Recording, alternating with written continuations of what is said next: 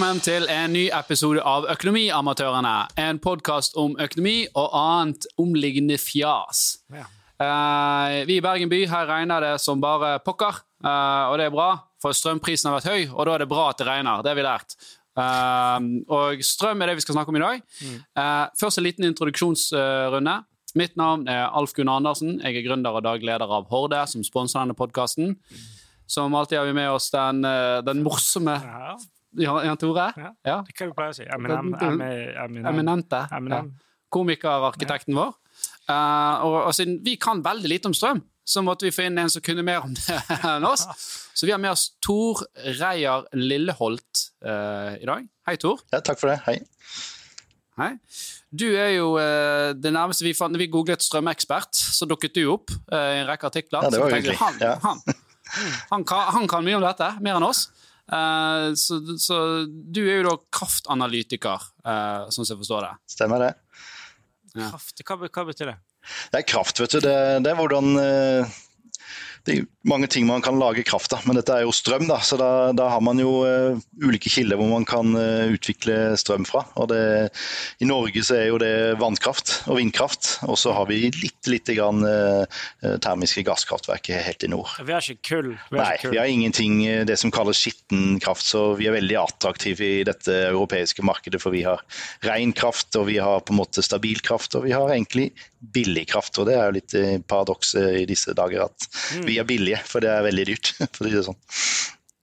Ok, Men, men eh, Norge har jo masse olje. Driver ikke vi og lager energi av den? Det gjør vi, og vi selger nesten alt ut av landet. Så det er i stor kontrast til strømmen. Jeg tror vi får ganske mye pepper for hver gang vi selger litt strøm ut av landet og putter litt på, på bok til det offentlige, mens olje, da klapper vi oss sjøl på skuldra og, og bygger opp et oljefond. Så det er store kontraster der, egentlig. Vi Ja. kunne hatt et strømfond. Absolutt, og jeg vil påstå at eh, vi startet jo med strøm eh, allerede for i forrige århundre, altså egentlig to århundrer siden, i slutten av 1800-tallet. og Det er klart det har vært med å bygge opp eh, veldig mye av eh, de offentlige tingene som vi ser rundt oss av skole og sykehjem og, og sykehus rundt forbi. For det, de starta lenge før olja og med å sta, skape en eh, teknologisk utvikling i Norge. Så man må takke mye, mye som vi kan takke strømmarkedet for i det norske samfunnet iallfall. Da var det liksom elver og bekker og sånt, og så satte man på noen transformatorer? Ja, heter, og så er det masse ingeniørkompetanse. Så ingeniørkompetansen vi har i Norge i dag på, på strøm, den er verdenskjent. Og det kinesere kommer og tar bilder av våre dammer og våre fullprofilerte eh, fjelltunneler. Så vi er jo langt fremme der, altså. Det er derfor Huawei vi skal ha de der 5G-greiene. Ja, det er det. Men Tor, Ja. kan du fortelle oss litt mer om, om liksom din bakgrunn og deg sjøl, og, og hva, hva som gjorde at du ble interessert i strøm? Ja, Det er litt tilfeldig. Altså, det var en transformatorstasjon der jeg vokste opp, så jeg syntes det var spennende å se på den. Og jeg ville lære litt mer om den, så jeg ble elkraftingeniør, altså sterkstrømingeniør eh, fra NTNU i Trondheim. Og derifra så hadde jeg lært ingenting om kraftmarkedet da heller, for det var ikke noe kraftmarked den gangen. Så det er jo noe som har utvikla seg de siste 25 årene, det er dette kraftmarkedet. Og det har jo vært en stor og lang reise som jeg har vært med på og syns det har vært utrolig spennende. For det har utvikla seg fra starten til å lære masse om det å eh, beregne energi, nedbør og snø og alt dette her, til å ha ansvar for å eh, disponere produksjon sånn at du får mest mulig eh, verdier ut av det, til nå å jobbe måte bare med å forutsi at kraftprisen skal gå opp eller ned. Da. Det er ikke så veldig avhengig om den er høy eller lav, men jeg vil gjerne prøve å si hvor, hvor den går hen. For det er det jeg på en måte lever En av. som, en som burde ha, ha ansatt eller hørt på deg, det var han. Hva het han som satset alt på strøm? En av oss? Ja, jeg kjenner vi, jeg jobber sammen med en av oss. Så vi vi jobber sammen i Vi er fra Grimstad begge to, så jeg kjenner veldig godt. Ja, det ja riktig. Ja. Eh, ok, Du sa jo det, at det er et marked for strøm. altså Det er jo en form for en strømbørs. da. Mm. Eh, er, det det, er det det som heter Nordpol? Ja, det er en del av det. Altså, du har også Nasdaq, som er på en måte den finansielle delen av det. Og Nordpol er jo det som står for det, det fysiske. altså de må på en måte, Hver dag så dannes det jo en pris, og det, det står Nordpol for. De på en måte, Da vil alle i markedet by ut hvor mye produksjon de kan selge, og de som vil trenge forbruk, de må by inn hvor mye forbruk de trenger. Så møtes de på et kryss, og det kalles for et priskryss, da, for hver eneste time neste døgn. Så Sånn fortsetter det dag ut og dag inn i dette kraftmarkedet. Og Så er det et finansielt marked da, som det er Nasdaq står for. Og, og Da er det rett og slett en en bet på hva tror man prisen blir inn i fremtiden. Da er det snakk om neste uke, neste måned, neste år, som man prøver å sette en pris på. da. Og det er det man prøver å analysere på forhånd. Så, det er jo, ut ifra det du sier der, så høres det ut som at det markedet er egentlig veldig lite verdiskapende. Det er bare at man better litt, akkurat som man better på en hest, Mm. eller? Det er jo Det, det er faktisk sånn? ja. Oi, ja, ok. Ja, for En ting er at du kjøper en aksje liksom Ja. har en underliggende verdi eller et eierskap i det, men her er det faktisk da at man, man har laget et spill da, Ja. på, for å si det veldig sånn enkelt, om, om hva man tror strømprisene kommer til å være. Og så sier jeg at jeg tror jeg er flinkere til å spå om det kommer til å regne og, de neste månedene enn det du er, og jeg tror jeg forstår liksom markedskreftene bedre enn deg. Det, men det kan du si da, men det er også en viktig misjon, altså dette markedet, for det, det gjør jo at prisen blir mer rett. For at Før så var det jo politikere som satte faktisk prisen. Eh, Etter hvert som markedet utvikler seg, så er det jo faktisk eh, det summen av aktører. altså Noen som vil kjøpe og noen som vil selge, som møtes et sted. Og, og Da danner det en pris. Og, og Den er jo på en måte vanskelig å, å si at den er manipulert på noen måte, annet enn at uh, dette er det som det, er, det koster. Og det er, no, det er noen vi gir for en vare. Det er egentlig, så det er en vare man selger. Og det er til forskjell fra finansmarkedet. Det er en aksje, men dette er en vare. For dette er jo faktisk noe fysisk du selger. For du selger Men og er ikke kjøper det som strøm. skjer på, er ikke det som skjer på Nordpol? Er der den handelen skjer? Jo, der skjer den fysiske handelen, mens den finansielle på en måte er jo egentlig eh, en, en foranledning hvor, hvor du på en måte better dette finansielt, men til syvende og sist så blir det også en fysisk eh, kontrakt, Hvor du da må, må selge den varen du har, eller kjøpe den varen du har solgt. da. Så Hvis du har solgt strøm på, på børsen på, på neste år f.eks., så kommer det, når det nærmer seg det året du har solgt, så begynner det faktisk å bli en fysisk leveranse. Hvis ikke man selger den igjen før det kommer så langt. Så, så her er det litt forskjell på aksjer og, og strøm. Det er at eh, man har det som kalles leveranse av det produktet man har kjøpt og solgt. Hmm. Spennende. Mm. Uh, hva altså, for, for ta litt sånn på, på så styrer eh, strømprisen altså, Nå har jo det vært sånn, nå blir strømmen dyr. Uh, alle har merket at strømregningen forrige måned den var høyere enn det- det vi fikk i fjor. Ja. Eh, er det så enkelt som at det har regnet mindre, og, og, så har liksom regn- og vannmagasiner så mye å si for strømprisen i Norge? Det er definitivt ikke så enkelt, men det, det er jo en god forklaring på, på en stor del av det. og I mine 25 år i markedet så er markedet nå mer komplekst enn noen gang. eh, Så det er mange parametere her. Men det viktigste, altså siden Norge bruker, produserer all sin strøm fra eh, vind og vann, så er vi jo veldig avhengig av været. Så det er ikke noe tvil om at været betyr mye. Men så er det det at vi er kobla opp mot et europeisk marked via kabler og sånne ting. Så det som skjer rundt oss er også med å forklare dette. Og i Europa så skjer det jo ekstreme ting for tida. Og det er jo i markedet så snakker vi om eh, global energikrise, faktisk. Og det, da begynner du å dra det helt globalt. For dette er kullmarkeder, gassmarkeder, som eh, Asia er en stor etterspørsel, har en stor etterspørsel etter. Så, så her er det mye komplekse ting, og dette har endra seg veldig de siste 20 årene som jeg har sittet i dette markedet. Før så var det lukka system, vi så på Norge alene, kanskje litt i Norden.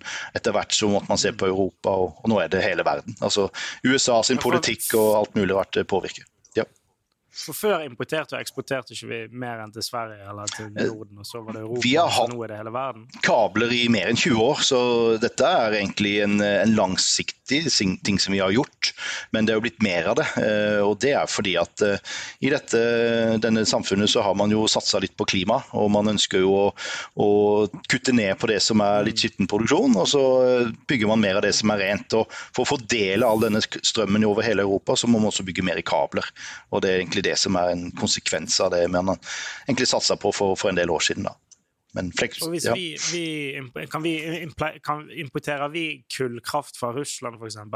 Gjør vi det? Vi har eh, en liten eh, altså Det er en del import fra Russland eh, til Finland. Og så har jo Finland forbindelse igjen mot Norge. Så, og vi har en liten forbindelse til Russland, men det, da snakker vi om minimal utveksling.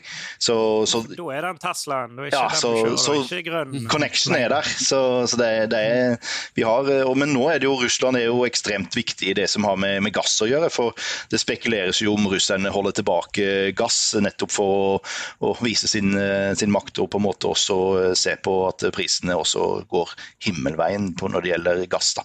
Så det er veldig stor, knyt, stor spenning knytta til eh, en ny kabel som går fra Russland til Tyskland som heter Nord Stream 2. Og, og den klarte den Forsinker man den, så, så, blir det også betydelige konsekvenser for disse gassprisene. For, for gassprisene har aldri vært så høye som man ser nå i dette markedet.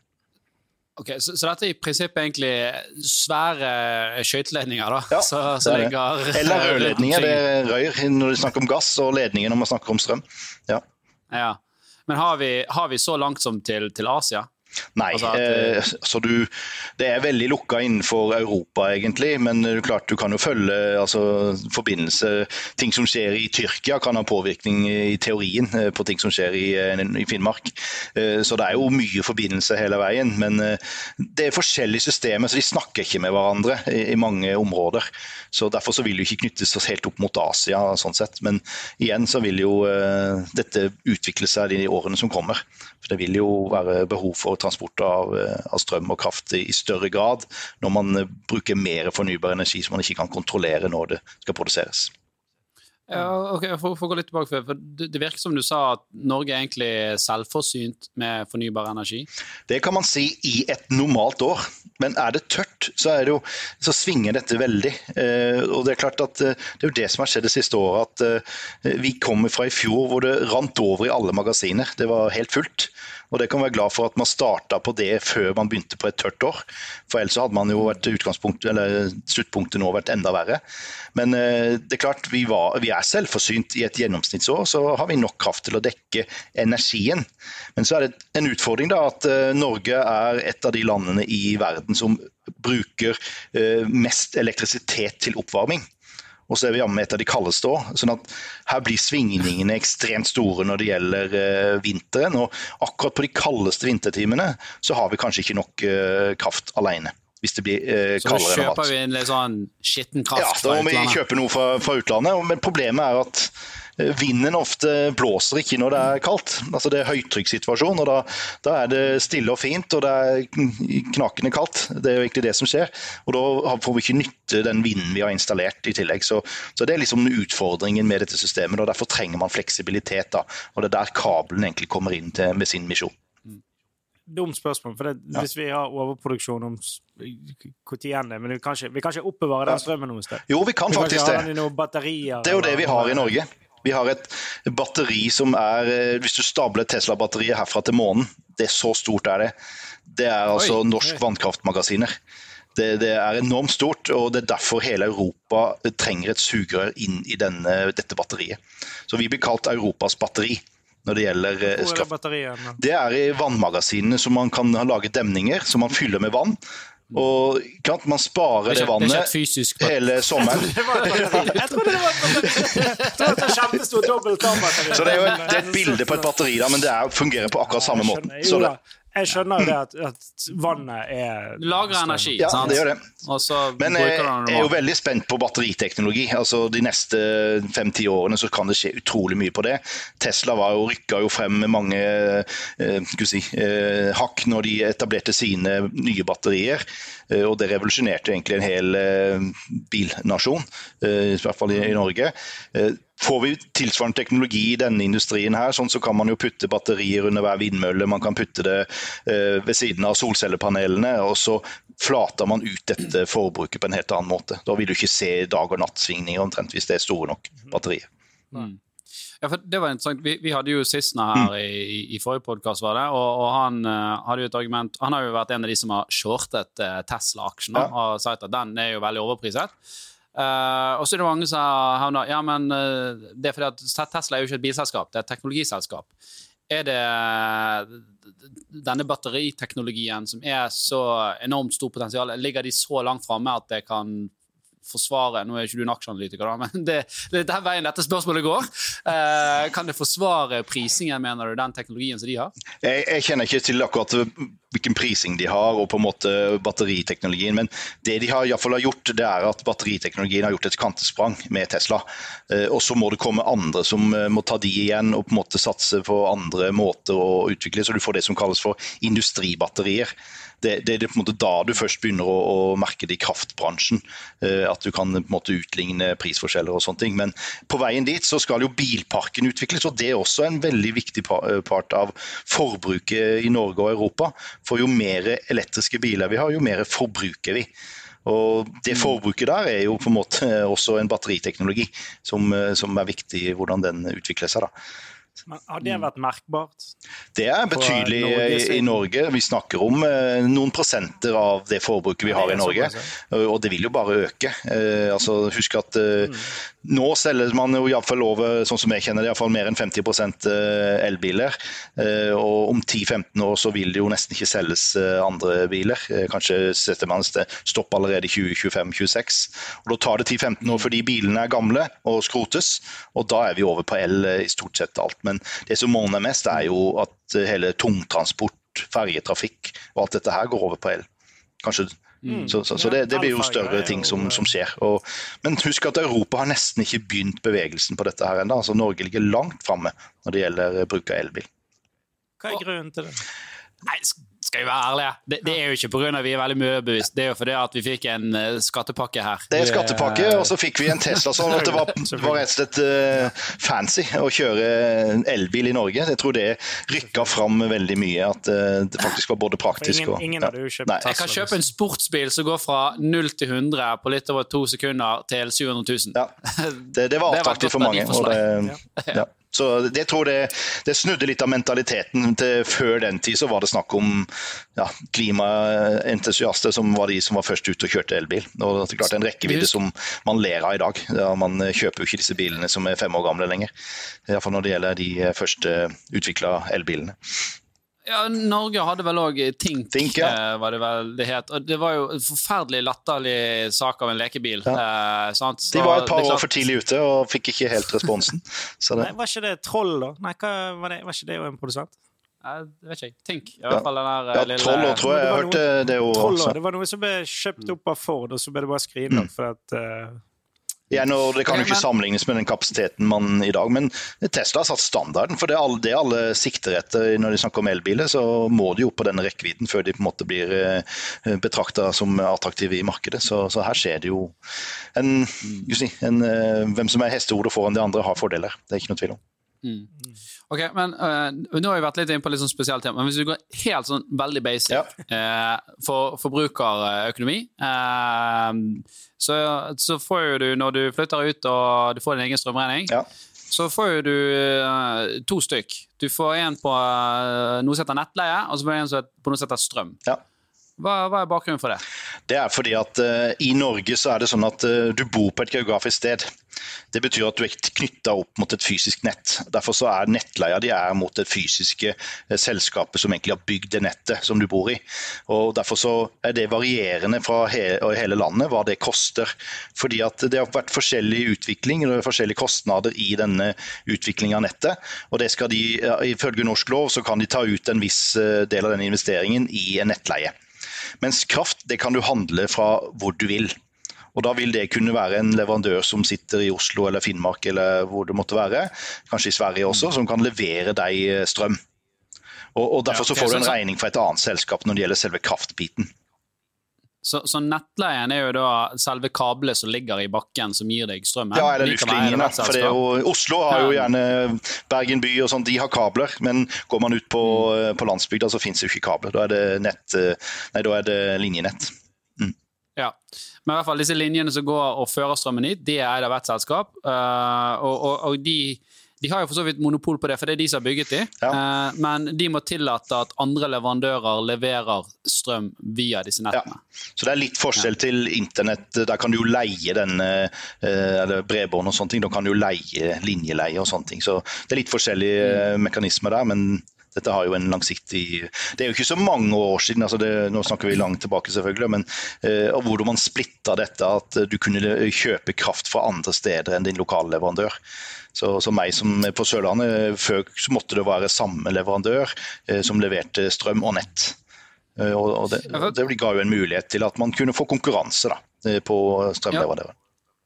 For, for dette husker jeg egentlig når jeg var liten, eller medium stor, uh, så ble det snakk om dette her. Altså, ja, men det er ikke vits å bytte, for da kjører de for å få billigere strøm. For de kjører bare opp nettleien din nå. Gjorde de det? Eh, det er nok en sannhet med modifikasjoner, for det har vært regulert hvor mye de kan ta i nettleie. Men det er klart at nettleien den har økt mye. Det har også vært fordi at man har hatt store behov for investering i nettet. For det har vært mye gammelt nett og, og sånne ting. Og i og med at vi ønsker å transportere denne kraften mer, vi bygger vindmøller på en måte helt uh, grisgrendt uh, ute i bygda, og da skal man begynne å transportere dette i store uh, avstander og sånne ting. Så vind og vann som bygges uh, grisgrendt, det, det, det, skaper jo en større behov for nett. Så det har kosta mer å vedlikeholde og bygge nett, og derfor har økningen kommet også på, på nettleia. Så, så, der er det jo spørsmål hvor, hvor, mye kan man tillate at de skal på en måte ta inn av den kostnaden de har da, i, i, nettet. For Det er ikke noe tvil om at det, det kan være lønnsomt også å bygge nett. Ja. Ja, for, for det, det, er jo ikke bare det at de har en kostnad, men de har jo en tapt inntekt òg, da. Eh, det er klart, hvis det, eh, du bare får lov å levere 50% av varene på Men må du huske at det er jo to selskaper også. altså Ta et selskap som eh, dere som BKK, ikke sant? Da, da, har de solgt de som har med, med, med markedet å gjøre, som selger strøm til dere. Det er det som er Fjordkraft. Ikke sant? Og, og, og, så har de det som er det fysiske, det er kraftstasjonene. Det er én ting. Og den tredje tingen kan være de som er selve nettselskapet. Så det kan være mange selskaper i et stort selskap som, som driver med forskjellige deler av verdikjeden da, i et, stort, et kraftselskap. Så, så, Derfor er det ofte Du må skille mellom hvem det er som på en måte ja, trekker fra, fra, fra, lommeboka di. Om det er de som produserer kraften, de som har eier nettet, eller de som rett og slett bare eh, formidler kraften. For det er jo det egentlig Fjordkraft gjør. De, de, eier jo ikke noe kraft. De bare rett og slett kjøper det i markedet og selger det til eh, For der er det jo uh, mange det, det, var spådd at veldig mange små strømselskaper kunne gå konkurs nå. Fordi at de har låst seg på noen fastprisavtaler ja. uh, til kunder. Uh, og nå når ja, det, det, det kan de jo klare seg greit på hvis de bruker markedet. Fordi at Hvis de låser seg til en kraftpriskontrakt, så er det jo ikke noe problem for de å si at ok, eh, jeg har en forpliktelse overfor noen kunder, ok, da kan jeg kjøpe den kraften i markedet. Og da har du sikra deg. Men hvis ikke de har gjort det, og på en måte spekulert litt og tatt risiko, så kan de gå på en smell. Og dette markedet som vi har opplevd de siste året nå, det er ekstremt. Altså, jeg har aldri sett så store bevegelser fra dag til dag. Det... Ja, for hvordan har det gått fra nå kan, nå kan strøm, eh, strømmen koste to kroner kilowattimen, mm. til til uken etter. Du, nå får du betalt for å bruke støvsugeren din. Ja, for det, ta eksempel fra søndagen. Da. Da, da. var det jo sånn at det var negative priser på, på natt til søndag. Uh, og det er klart at uh, det får du fordi at uh, i alle europeiske land og de nordiske så blåste det samtidig. Og hva skjer da? Ja, de har altfor mye strøm.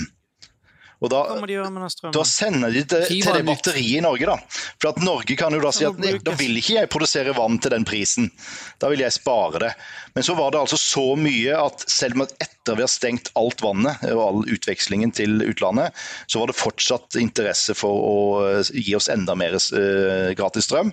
Uh, og det er klart, Grunnen til at det blir gratis, er for at ikke du ikke klarer å kontrollere det. Altså Du klarer ikke å stoppe vindmøllene. Og da blir det en produksjon som ingen vil ha. Og så er Norge der til syvende og sist som kan eh, ta imot det fordi at vi kan putte det i batteriet vårt. Og så kan vi selge det til en annen pris bare noen timer etterpå. For da har de behov for det, for da har de større forbruk enn eh, produksjon. Så, mm. så, så, det varierer jo veldig fra, fra dag til så, så her er det en mekanisme som blir nok mer og mer gjeldende fremover, i og med at du har en mer volatil eh, produksjonstype. Det var mye mer stabilt når du hadde et kullkraftverk eller et kjernekraftverk som dura og gikk døgnet rundt, og så hadde du mer kontroll på, på når det produserte og, og ikke produserte. Men eh, ok, Hvis vi går litt tilbake til privatøkonomien. privatøkonomien. Ja. Du har jo forskjellige avtaler du kan uh, velge mellom. Ja. Du, det, det, det, flytende, det er spotpris, det er fastpris, det er eh, klovnepris. Altså, hva... For det er sånn ikke en kjøp til innkjøpspris. Ja. Hva, det, det, er jo tre typer som egentlig er de standardkontraktene, og så er det mange varianter av det. Og Det ene er en, det som er kalt for spotpris. Da, da, er det en pris som følger de bevegelsene som uh, går i markedet. Og så har du gjerne en, en på påslag på det. Men her finnes det også det som kalles lokketilbud. Noen tilbyr deg, eh, altså sånn For et år siden så tilbyr deg gratis eh, kraft fordi at de ønsker deg som kunde.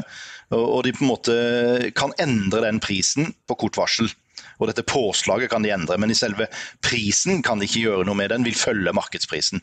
Og så er det noe som heter standard variabel. Det, det er på en måte en gammelt uh, ord, men det, det betyr at uh, du, du, uh, du, får en pris som dette selskapet setter basert på det generelle nivået. Og her kan nok være den dyreste kontrakten, iallfall sånn som vi har sett i markedet. At det er det som folk ikke bryr seg om strømmen, de står ofte på en sånn kontrakt. Men de som er mer aktive, de går mer på en spotpriskontrakt. Og så er det de siste da, som, som, kanskje noen er bevisste, men noen som også har behov for en, å dempe risikoen sin litt og ha en forutsigbar på, forutsigbarhet på, på, kraften. Det er det som heter fastpriskontrakt. Og mm. Der er det jo forskjellige varianter. Altså, Sverige har jo et helt motsatt eh, forhold. De har mange flere fastpriskontrakter enn variable. Men 80 eh, omtrent, eh, kanskje 90% av alle kontrakter i dag, det har en løpende variabel pris. Det er litt sånn som fastrente? Det er akkurat som fastrente og løpende rente. Og over tid så sier de fleste at løpende både rente og løpende pris er det billigste, men man skal tåle store svingninger. Det er egentlig hovedbudskapet her. Men, ja, for, for, for prinsipp, prinsippet, hvis du ikke gjør det, så sier du at jeg tror jeg kan spå dette markedet bedre enn uh, deg, eh, kjære strømaktør som jobber med dette. Ja. Det jeg har, jeg har, jo test, jeg har jo testa markedet, for å si det sånn. Det er ikke mer enn to måneder siden jeg kunne inngå en kontrakt på 30 øre. Og nå er prisen 120 øre i samme område. Og ja. da er det fastpris. Jeg har gått for fastpris for tolv måneder fra min tid, så jeg håper jo på at det blir Dere kan de lide så mye dere vil Jeg, Jeg, jeg, jeg har samme pris uansett. Så. Kan du selge den strømmen videre? Ja, nå kan jeg selge den for én krone dyrere. For, for hver kilowattime jeg bruker, så sparer jeg én krone nå. Så det er helt topp. Men eh, det er ikke noe for fleip til side, da. Så det er den kilowatten du sparer, du, tar, du sparer mest på. Ikke hvilken type avtale eller leverandør man har. Men klarer man å spare en kilowattime, så sparer man både nettleie, eh, kraftpris, moms, alt sammen. Hva, eh, ok, men bare For, okay, så avslutte. for folk flest da, så høres det ut som det mest gunstigste er spotprisavtale. Ja, over, er det en, en, en, veldig sånn grei generalisering? Det er det, det alle anbefaler eh, stort sett over tid, hvis man håndterer svingningene. Ja. Uh, og, og, og, da får gå til neste punkt, så da, det var jo dette med at uh, den største sparingen du gjør, er den der du faktisk sparer uh, på å bruke strøm. da. Altså slå av lys og ikke ja, støvsuger? Har ikke alle LED-lys i dag? Hvor mye hjelper det med å slå av lys på badet? Det er to ting man pleier å si er det beste sparetiltakene. Det er oppvarming, og så er det varmt vann i Norge. Altså, det kan være andre varianter i andre land, men det er det som tar det meste. Og så er Kommer det i det mørke årstiden, så går jo belysning også uh, betydelig. Uh, men det er klart, uh, det å bare dusje litt smartere, det tror jeg nok mange generasjoner vi har i dag, nå, ikke gjør. Der, der, kan det være noe å spare. Og så er det alternative kilder da, på oppvarming. Du kan bruke noen ved, du kan bruke litt forskjellig. og Da har jeg noen sånn tommelregeltips for, for ved. Det er jo at prisen det koster å fyre med ved som du kjøper til en grei pris av en lokal leverandør, det ligger rundt en 50-60 øre per kWt. Sånn at Det skal være ganske dyr strøm før du på en måte eh, forsvarer eh, det å, å, kjøpe ved. Men i dag så er jo prisen langt høyere enn det. Så jeg har fleipete sagt at i dag kan du kjøpe ved på bensinstasjon og likevel ha det billigere enn strøm. Mm. Og, og bensinstasjon ved er betydelig dyrere enn en vanlig standard Eh, ved innkjøp. Men det finnes også type ting, eh, briketter fra Biltema f.eks. De er ca. 1 krone eh, per kilowattime i, i, i pris. Så mm. Mange bruker jo det på hytter og sånne ting, og fordi det er lettvint å ta med seg. og sånne ting. Så, så det er konkurransedyktig akkurat nå. Men, men, tror du uh, den billigste vinen er jo den du hogger sjøl? Ja, og den, den, er jo gratis, og det får du trening i tillegg. Men, men det er jo klart at uh, ved den varmer mange ganger. Uh, det har i hvert fall, Jeg fyrer også mye min egen ved, så det, det, merker man jo. Og det er, det er en, en, vare som fort er undervurdert i, i kostnad, for det, det, er, det er mye time bak og det å lage ved så er det jo litt mm. koselig å se inn i en peis. Det er det, så, så, nå kan man kose seg så mye man vil med å fyre så mye man vil. Det, det, det er for et godt råd at det, det, kan bidra.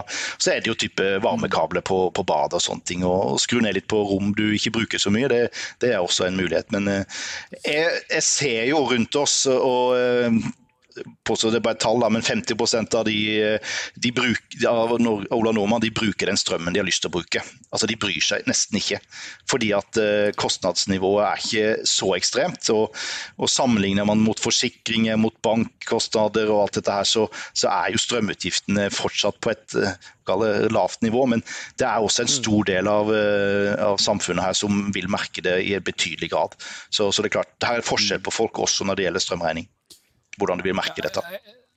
Jeg kan skjønne, altså Nå i disse litt kjipe månedene vi går inn i, mm. det er bekmørkt når du står opp, og om du da skal inn på et kaldt baderomsgulv i tillegg ja. eh, Men da, men da har du råd til å, å, velge det at jeg vil ha det varmt på badet. Så det er et valg du gjør, ja. og det, det, er helt fair. og det er klart at uh, Nå er det litt annerledes uh, enn det kommer til vinteren. for det, er ikke lurt å bruke Eh, baderomsgulvet til oppvarming. Men du skal bruke det til komfort eh, nok til at eh, du trives på badet. Men ikke sette opp dørene for å varme opp resten av huset med varmekablene. Det er liksom mitt budskap. da. Så, for det er jo klart det er jo nå, For å si det sånn, det har vært dyrt pris nå, men det er 14 dager siden vi gikk i shorts på Sørlandet. Vi har ikke begynt å fyre ennå, og vi har ikke begynt å, å bruke strøm. Så det er jo nå fremover vi egentlig er vant til å få disse ekstreme prisene. Så det, det gjør jo at mm. eh, jeg er fortsatt bekymra for at eh, vi ikke har sett starten på, på det vi kan få i, i, vinter. Men eh, det er mange scenarioer her, og da er det kompleksiteten igjen. At det kan gå store variasjoner både opp og ned på prisen nå i de månedene vi går inn i. Ja. Mye, ja, mye, av det er sånn sparetiltak. Det var som vi lærte på, omtrent på barne- og ungdomsskolen. Sånn enøktiltak. Ja. Sånn spare dusjhode. Dusjhode, Mengden varmt vann som går ut av den dusjen, er veldig viktig. Ja, ja, for det skal jeg spørre, for Du sa det. Dusj smartere. Ja. Hva, hva Er det liksom at eh, kjøpe et sånt uh, litt sånn økonomisk dusjhode? Nei, altså, nå, sånn nå, er det litt sånn Slå av vannet når du sjamponerer håret? Her er det tilbake til hvordan du har lært og sånt, men i dag så lærer man kanskje ikke det. Men sånn som du, du kan jo såpe deg inn uten at dusjen står og renner.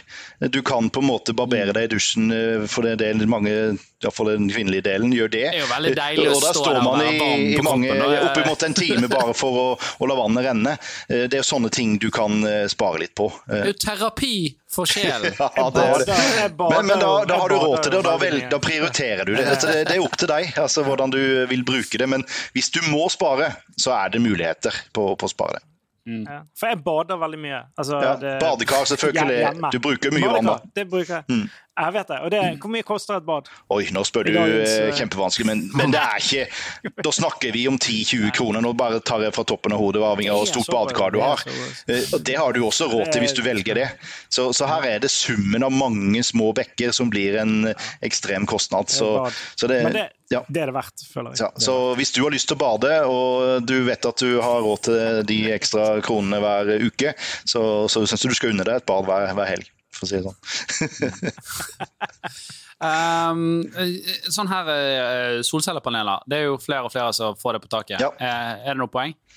Ja, det, det, er jo en litt sånn langsiktig investering, da. Og i disse tider så er det jo kjempeaktuelt hvis du allerede har bygd de. Uh, det er klart det sånn som jeg helt har vurdert det, er at teknologien går så raskt at du alltid vil vente til du får den nyeste teknologien og at det blir billigere og billigere. Så, sånn det er en sånn eh, galopp der at uh, ting utvikler seg så fort i disse tider at uh, man kan jo gjøre investeringen og, satse på at nå, nå er tiden god nok. men forventningen fremover er jo at prisene skal være på et relativt høyt nivå i forhold til det vi har sett hvis vi går 20 år fremover i tid. I forhold til 20 år bakover i tid, så tror jeg prisene våre ligger på et vesentlig høyere nivå enn det vi ser i historien. Og Da, da kan jo begynne å nærme seg at det lønner seg å investere i solceller. Men eh, kostnadene faller for hvert år. Kanskje litt i kontrast nå, for nå koster det mye å bygge altså Råvarene koster òg, altså ikke nødvendigvis teknologien. Teknologiutvikling går raskt. Men det, det, koster å kjøpe stål og kobber og alt det som skal inn i, i disse ja, ulike typer installasjoner. Da. Sammen med vind. Altså skal du bygge Konstruksjonen på vindmøllene nå er dyrere enn det var for et år siden. Aluminium og, og stål er blitt kjempedyrt. Derfor så, ja. så, overlever jo industrien i dette. da. Altså, mange sier jo kanskje at uh, mange industri kommer til å ta, knekke nakken på disse høye prisene på, på, kraft, men de får også råvarer som uh, de får godt betalt for. og Det, det redder de andre enn på mange typer. da, Andre industrier har jo ikke den muligheten. Det, det, suger litt for de her eh, bitcoin-minerne ja. det Datasenteret er en del av det som vi må følge nøye, for det forbruket på datasenteret det, det, eksploderer. Så det å håndtere data det er kostbart, fordi at det blir uh, mye kjøling og mye lagring som, som, faktisk suger masse kraft fremover. Og Norge og Norden er attraktivt å etablere seg. Stabil kraft, grønn kraft og billig kraft.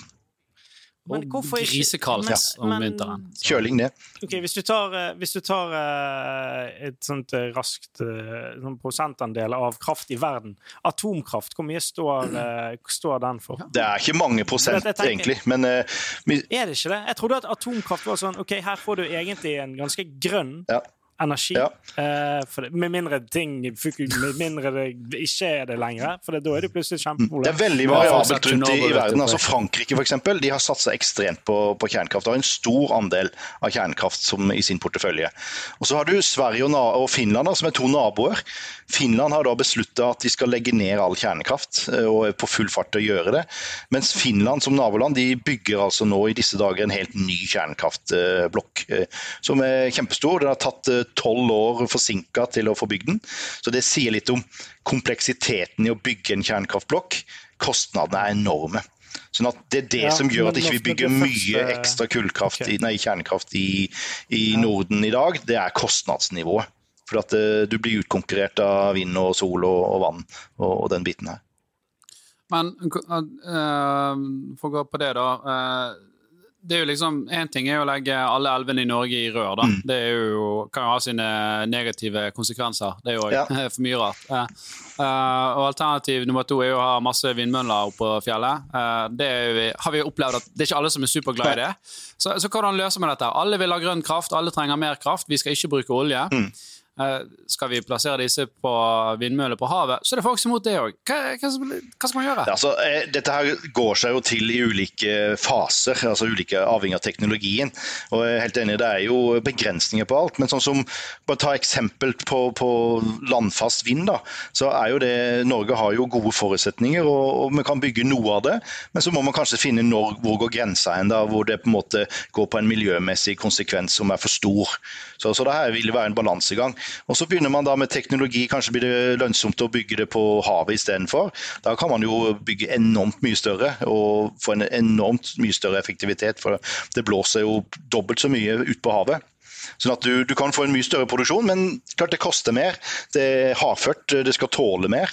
og Derfor så må man eh, mm. kanskje bruke den teknologien som oljesektoren nå har, da, til å, å transformere det inn i en ny, uh, si, ny æra i uh, norsk si, offshore, hvor du bruker eh, ingeniørene som har kompetanse på, på flytende ting til uh, offshore-ting og vet hva som skal til, til å bygge offshore, offshore vind. Så ja, det kommer til å bli nye ting uh, som skal bygges. Og, og, det er klart at man må bruke all teknologi for å bruke kraften smartere. Så vi kommer til å alle til å bruke mer kraft fremover i tid, men vi må bruke den smartere. og Da kan det også spare noe i den andre enden. Men uh, batterier, hydrogen altså Det er mange ting som nok uh, vi ikke har på bordet i dag, som kommer til å bli enda tøffere. En teknologi uh, som jeg hørte om for nå er det 15 år men, men teorien, er det er noe sånn kaldfusjon? Ja, det er jo mange typer fusjon. Og, og, det er klart, plutselig så løser man jo en helt ny teoretisk eh, fysikk som man ikke har tenkt før og ikke klart å, å løse. Eh, og da kan det være nye energikilder.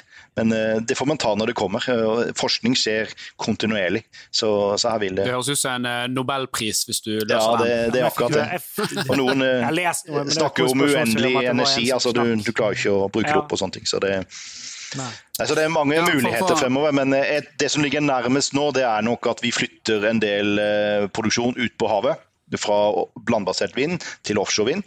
Alle land rundt oss, unntatt Norge, bygger offshore vind. Det er jo ganske paradoks. da. Ja. Det er fordi vi har hatt lav pris og ikke hatt det lønnsomt å bygge offshore vind. Så Det er litt sånn paradoks at uh, vi sier at Norge har lav pris, men vi har faktisk hatt den laveste prisen i Europa i, i mange, mange år.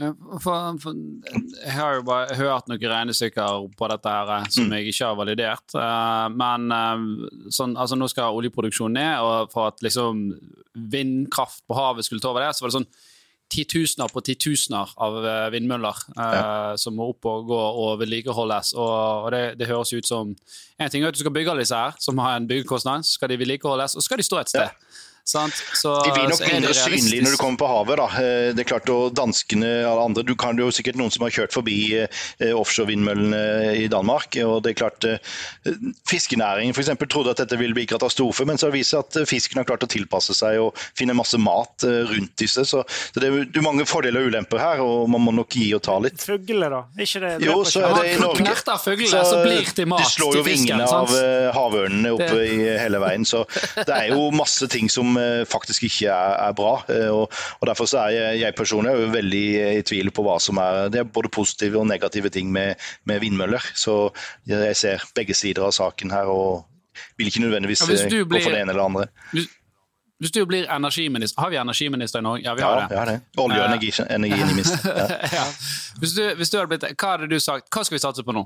Nei, Jeg, jeg syns det er viktig å satse på teknologien, for at vi har utrolig viktig dyktige både forskning og ingeniørkompetanse i Norge. Og så vil jeg ha prøvd å få til en transformasjon fra det som skjer på, på offshore eh, vind, når det gjelder offshore olje- og gassteknologi. For det, blir, det, er ikke en uendelig eh, ressurs, men vi må bruke det vi har eh, så lenge vi har det. Og så må man begynne å planlegge og bygge for en ny fremtid. og da, da er det batterier, hydrogen og offshore vind, som vil bli det nye om 10-20 eh, år. Når vi, neste generasjon skal ta over. for å si det sånn. Da, da, så må Vi bruke, vi har også masse vannkraft som vi kan utnytte bedre. Det, det syns jeg det vil påstår, påstå. Uten at, eh, nå se, kull, kull, nei, det, det, har vi ikke behov for, egentlig, og det, det er ganske unisont egentlig over hele Europa. i alle fall. Um, Går vi til Kina, så er det nok en litt annen holdning, men de holder på å snu, de òg. For de må jo flytte alle kullkraftverkene sine ut av byene. De ser jo ikke sola. Altså, Så ille er det i Kina, at, eller i Beijing og disse store byene. Så nå flytter de alt av kullkraftverk ut av byene for, rett og slett for å få, få se sola igjen. Så, mm. Og det er, det er dimensjoner som kan ikke sammenlignes med det vi ser i Europa. Så det, ja. Nei, det er vel litt uh, sånn hvis, hvis, Kina vil ha en motorvei, så kommer det en motorvei. Hvis du bor ja. der, så uh, Det var leit. Det var leit, ja. De flytter jo hele byer når de skal bygge et vannkraftverk og demme ned hele greiene. Og, og har jo, Kina har jo planer om å bygge en stor motorvei helt til Europa. Så spennende å se om eh, neste generasjon om det kommer noe. Mm. Du, um, det er sikkert noen som har hørt ordet Enova. Uh, det er ikke mange som vet hva det er, men, men, det er jo en form for Man kan søke f.eks. støtte da, ja. uh, hvis man har enkelte ting. Det skal jeg gjøre nå. Jeg skal begynne å søke masse støtte nå. Jeg har kjøpt nytt hus, så jeg skal prøve å se om det er noe Det er mange små og store tiltak her, ja. Så det er klart. Ja. Kan du fortelle oss litt? Kjenner du til det? Altså, jeg kjenner ikke så mye til det sånn i, prinsipp, men jeg har holdt foredrag for Enova og sånne ting eh, fordi at eh, de er jo opptatt av det som har med, med energi og klima å gjøre. Så, så, klimaendringer er viktig i deres uh, sak, og, og, de ønsker jo da å på en måte gi tiltak og subsidier til ting som kan uh, bidra til en positiv klimautvikling og en positiv uh, miljøtilpasning. Og Det betyr at man skal finne nye produkter, finne nye teknologi som kan rett og slett eh, ja, være bedre mot eh, miljøet fremover tid. Og at uh, bruke energien smartere, rett og slett. Og det, det, er også teknologi, hvordan man kan gjøre det. Det finnes mange duppeditter som kan uh, forbedre dette i fremtiden. Og er prisen høy, så ironisk nok så, så kommer denne teknologiutviklingen mye raskere. Og det er jo litt uh, paradoks her at det, det, skjer jo i mange steder i, i Europa og verden at man må ut og skaffe alternativer. Og da går det fortere. Mm. Norge er litt godt vant. Men, uh, ok, men tilbake til mm. altså, det, det man, kan, man, kan, i hvert fall søke Enova da, ja. uh, om, om, om, støtte hvis det er et eller annet sånn Kan du søke for hvis det er solcellepanel på taket? Ja, blant annet. Det er et godt eksempel. Ja. Så vet jeg ikke hvordan, Det varierer jo fra, fra, periode til periode hva du får i støtte. og sånne ting, og Plutselig så er det en kvote, at nå er det fullt og nå er det ikke flere som får støtte. og sånne ting. Og, sånn som På vind så var det jo en sånn et eget marked for dette som heter elsertifikater. og Det gikk jo bare noen få år, så, så var det ikke bruk for disse elsertifikatene. Da ble den prisen null. og Da var det lønnsomt å bygge uten subsidier. Og fordi at man bygde for mye. Det betyr at uh, elsertifikatene på en måte da uh, ikke hadde noen verdi. fordi at uh, du skulle ikke trigge enda mer utbygging av vind. da. Så, så den stopper jo nå. Derfor så blir det en stopp i, altså en betydelig reduksjon i bygging av vindmøller på land fra nå og fremover. fordi at dette, dette regimet, elsertifikatsystemet, det går ut nå i 2021. Dette var jo kjempeinteressant. Mm. Jeg har blitt veldig mye klar, smartere. Litt sånn avslutningsvis, er, er, er du sjøl veldig bevisst på ditt eget strømforbruk? Jeg er bevisst på den måten at jeg tenker over det, men jeg på en måte også er så heldig at det på en måte er det strøm jeg på en måte ønsker å, bruke, så, så, bruker jeg det. Men jeg har også høgd min egen ved. Jeg har eh, vindmølle i hagen min, eh, så jeg på en måte 600 eh, watt som snurrer og går. Så, så jeg er litt bevisst, men det er mer for show og på en måte å, ja. å se hvordan dette Men 600 watt det er jo, det er jo en del? Ja, hadde, problemet er at jeg bor på feil sted. altså Det blåser ikke nok på Sørlandet. Hadde det vært vært eh, Vestlandet, så kanskje hadde fått mer ut av det. Men eh, at det får noen prosent av, av forbruket mitt ut av det, det, det, er jo det som er målsetningen eh, på den. Så, Så det er ikke sånn at hvis, hvis madammen hadde følt seg et badekar, så sånn Du, det, er 20 kroner. ja. Nei da, det eneste du gjør med en vindmølle i hagen, det er jo at du reduserer på en måte forbruket, for du mater inn litt produksjon i andre enden. Men jeg har aldri levert noe mm. produksjon til, til, på nett eller noen sånne ting. Så det er rett og slett bare et reduksjon. Kan du få kull, kullkraft i hagen? ja, det er jo bare å begynne å spa hvis du har noen forekomster. Det er jo det de gjør i Tyskland. Da har de jo brunkull i bakken hvor de bare skuffer opp og putter inn i et kraftverk. Så det ja. fins muligheter. Ok, Kanskje dumt spørsmål, men sånn så når du, eh, når du har en peis, du fyrer i peisen hjemme, så får jo du varme. Ja. Uh, uh, men den varmen skaper òg energi, det skaper røyk. Altså hvorfor Hvorfor har ikke alle liksom et eget sånn dampsystem på, på, på, peisen sin? Et eller annet som gjør at liksom det som går opp her, genererer enda mer energi. Det er jo snakk om kostnader. Altså, det er jo enormt dyrt å bygge et rørledningsnett. Et, altså, det er jo en grunn til at vi i Norge ikke har eh, satsa på fjernvarme, f.eks. Det, det er jo utbredt i nesten alle andre land. At du bruker varmtvann til å varme opp og sende varmtvann rundt istedenfor strømmen. Vi vel det her i Bergen? Ja, det, det, I byene så er det mulig. Da er det økonomi i å kunne lage det, men Norge er altfor eh, spredt. Altså, vi kan ikke bygge det fra, ja, fra eh, ytterste øy til innerste by. For å Da er det vannet kaldt? Når det kommer ja, det er det. Så du må, du må ha noe sentrale på veien, eller så må du bygge noe tett nok på. Da. Og det er Derfor så er det byer som gjelder, og Norge er for gristgrendt til at det har vært lønnsomt over tid. Og er du kommet for skeivt ut der, så er det for seint å ta igjen. Du kan ikke begynne å grave opp hele byen for å legge ned disse røyra i tillegg. Så, så mm. der må du ha en, en infrastruktur som har satsa på dette på et tidligere stadie. sånn mitt påstand i hvert fall. Men det finnes jo mm. søppelutvinningsanlegg som leverer fjernvarme til nærområdet. Men det er gjerne til innenfor industrien, altså en lokal bedrift eller noe sånt som kan bygge dette forsvarlig. Mm. Uh, dette var kjempenyttig. Litt sånn avslutningsvis, uh, trenger ikke være strøm, det kan gjerne være strøm. Hva er liksom ditt, ditt best life hack, da? Altså, Oi, ja. Life hack, ja. Gjerne litt sånn økonomi i det.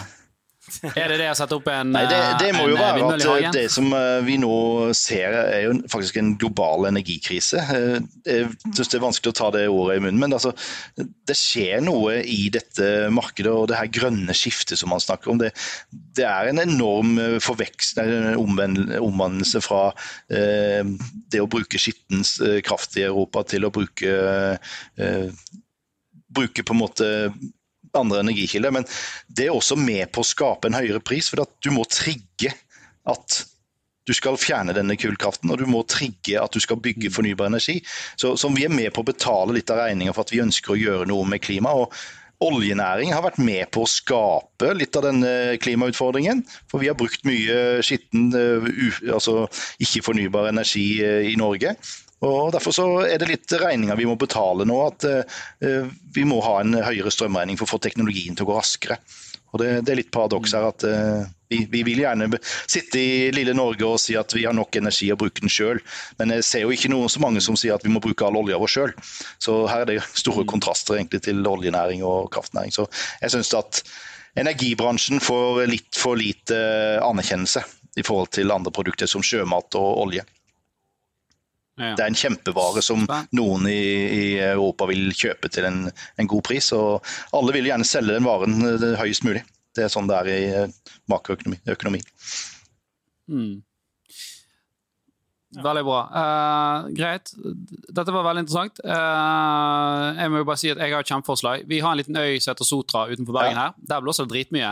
Uh, vær så god, bare kom, sett opp masse vindmøller. Du, du må sette opp en vindpark, og så må du sette opp en hydrogenfabrikk, og så må du ha et batteri. Da har du fremtida foran deg på den øya. Fordi... Ja, vi har en bro, den kan vi bare kutte. Yes. og så bare legge yes, noen Da slipper du kabel til naboen. Ja, lykke til. Det, men 50 år fram i tid, så, så har du nok ordna det. Det er så treg start. Mm. Kjempebra. Tor, uh, tusen takk for tusen, tiden din. Ja. Dette var veldig lærerikt. Jeg, uh, jeg, fikk ny respekt for, for, for, for, teknologien innenfor dette. Uh, og så skal man være obs på at det er mange smarte strømleverandører der ute som, ja. som, trikser litt med prisene. Spotpris det er enkelt tegn, men pass på at ikke de skrur deg med en sånn midlertidig god avtale. Ja. Og dusj med måte. ja, dusj med måte. ja. Dusj smart, det er fint. Det er derfor det heter smart dusj, vet du. Sammen, sammen med folk. Ja. Yes. Dusj sammen, er ikke det? Dusj sammen. Ta, ja, det er, da sparer du det er jo halv pris, det. det. Dusj-dates. For, for å invitere noen ned i badekaret ditt, da har du halv pris. Anbefaler det på Tinder òg. Bare sånn åpne ja, for så fellesdusjing. Da kommer til å reklamere med gratis bade, bad i badekar. Så jeg betaler strømregninga. Det er bra. Den er god. Det er fin date. Kjempefint. Yes. Den er god. Takk for denne gang, Tor. Ha det bra.